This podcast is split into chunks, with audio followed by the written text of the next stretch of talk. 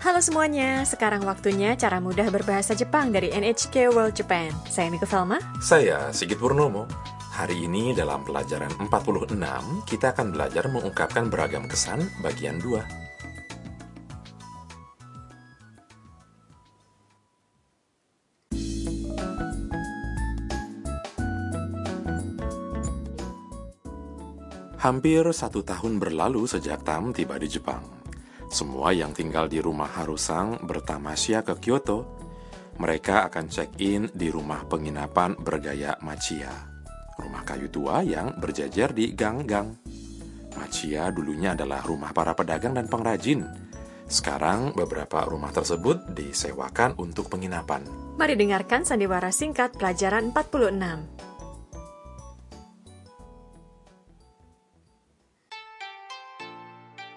さあ着いたよごめんくださいおいでやすお部屋はこちらですわあ素敵なお部屋お庭もあります小さいけど綺麗ですね Mari ulas satu persatu. Di depan sebuah Machiya, Kaito mengatakan, さあ着いたよ Oke, sudah sampai. Mia membuka pintu geser dan mengatakan, Gomen kudasai. Sepada. Pemilik penginapan menjawab dalam dialek Kyoto. Oideyasu. Selamat datang. Pemilik penginapan membawa Tam dan lainnya ke kamar mereka dan mengatakan, Oheya wa kochira desu. Kamarnya di sini. Mereka dibawa ke kamar bergaya Jepang. Mia terkesan. Wah, steki na oheya. Wah, Kamarnya bagus. Tam juga mengatakan, Ada tamannya juga.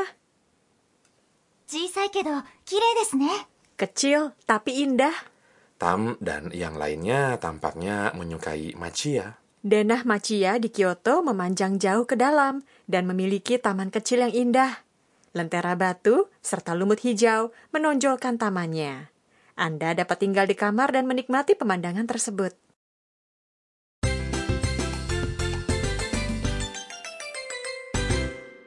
Ungkapan kunci hari ini adalah kecil tapi indah.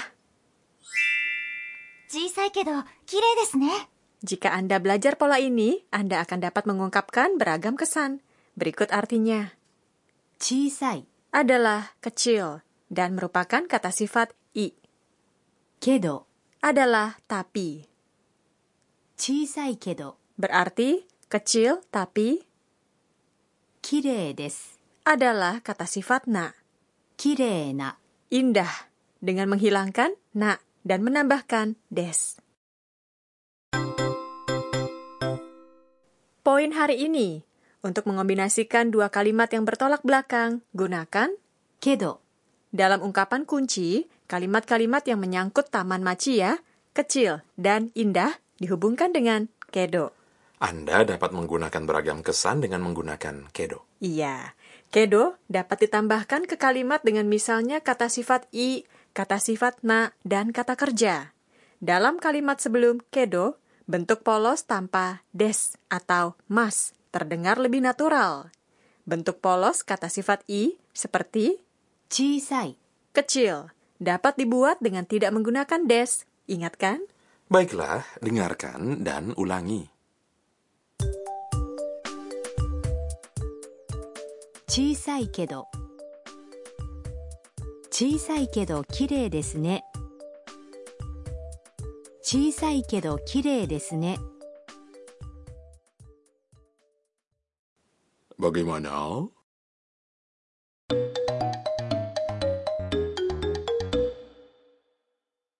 Kini, dengarkan seorang wanita mengungkapkan kesan dengan menghubungkan hal yang bertolak belakang.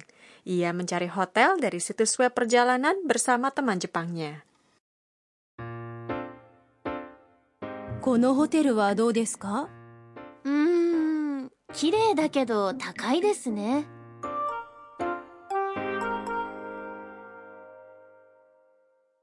Berikut artinya. Wanita Jepang tadi mengusulkan sesuatu.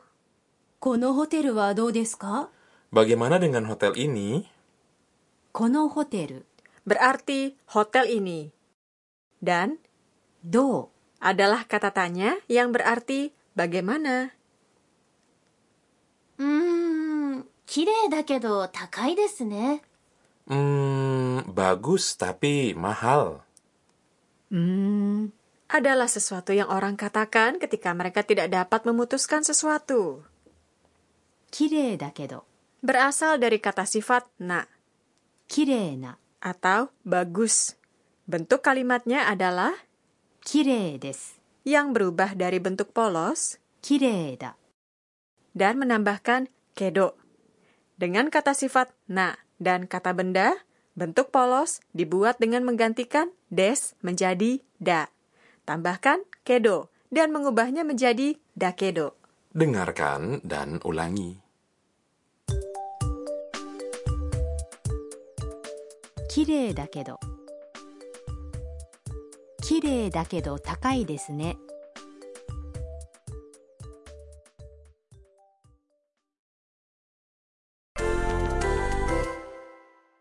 Mari coba situasi lainnya. Bayangkan Anda baru saja pergi ke taman hiburan. Beritahu teman Anda kalau Anda capai, tapi menyenangkan. Di sini, untuk kata kerja capai, gunakan 疲れる、 Kalimat lampau capai dalam bentuk polos adalah tsukareta. Tsukareta. Ini adalah bentuk ta. Menyenangkan adalah tanoshikatta desu. Tanoshikatta desu. Coba buat kalimatnya.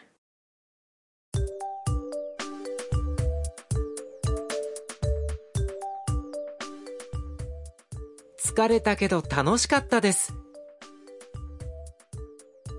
疲れたけど楽しかったです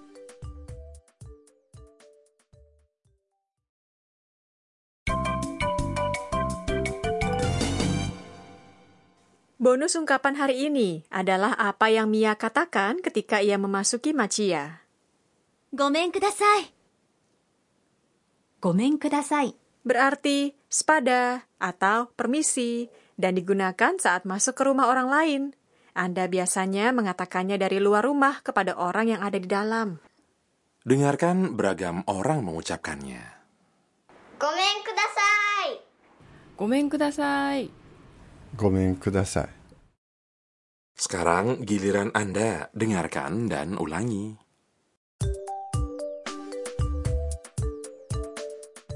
Gomen kudasai.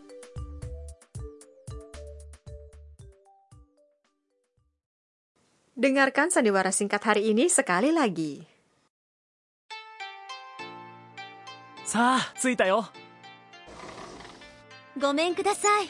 おいでやすお部屋はこちらですわあ、素敵なお部屋。お庭もあります。小さいけど綺麗ですね。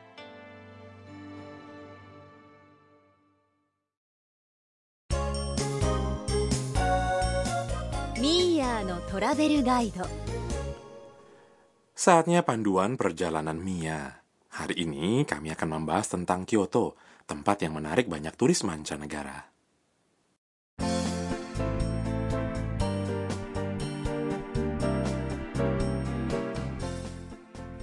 Kyoto memiliki banyak tempat yang mengagumkan ya untuk dikunjungi. Iya, ibu kota kuno tersebut memiliki kuil, kastel, dan taman berusia ratusan tahun. Misalnya, kuil Kiyomizudera, dikenal dengan balai utamanya yang terletak di pinggir tebing. Kuil Ryowanji memiliki taman batu yang indah. Kuil Fushimi Inari Taisha memiliki ribuan gerbang yang membentuk seperti terowongan. Ada juga kastel Nijojo yang desain interiornya sangat mencolok mata. Pastinya menyenangkan berjalan-jalan santai menyusuri gang-gang yang di setiap sisinya berjajaran rumah kayak Machiya atau di sepanjang sisi sungai. Jika Anda capai, mampirlah ke kafe tradisional untuk menyantap penganan manis Jepang.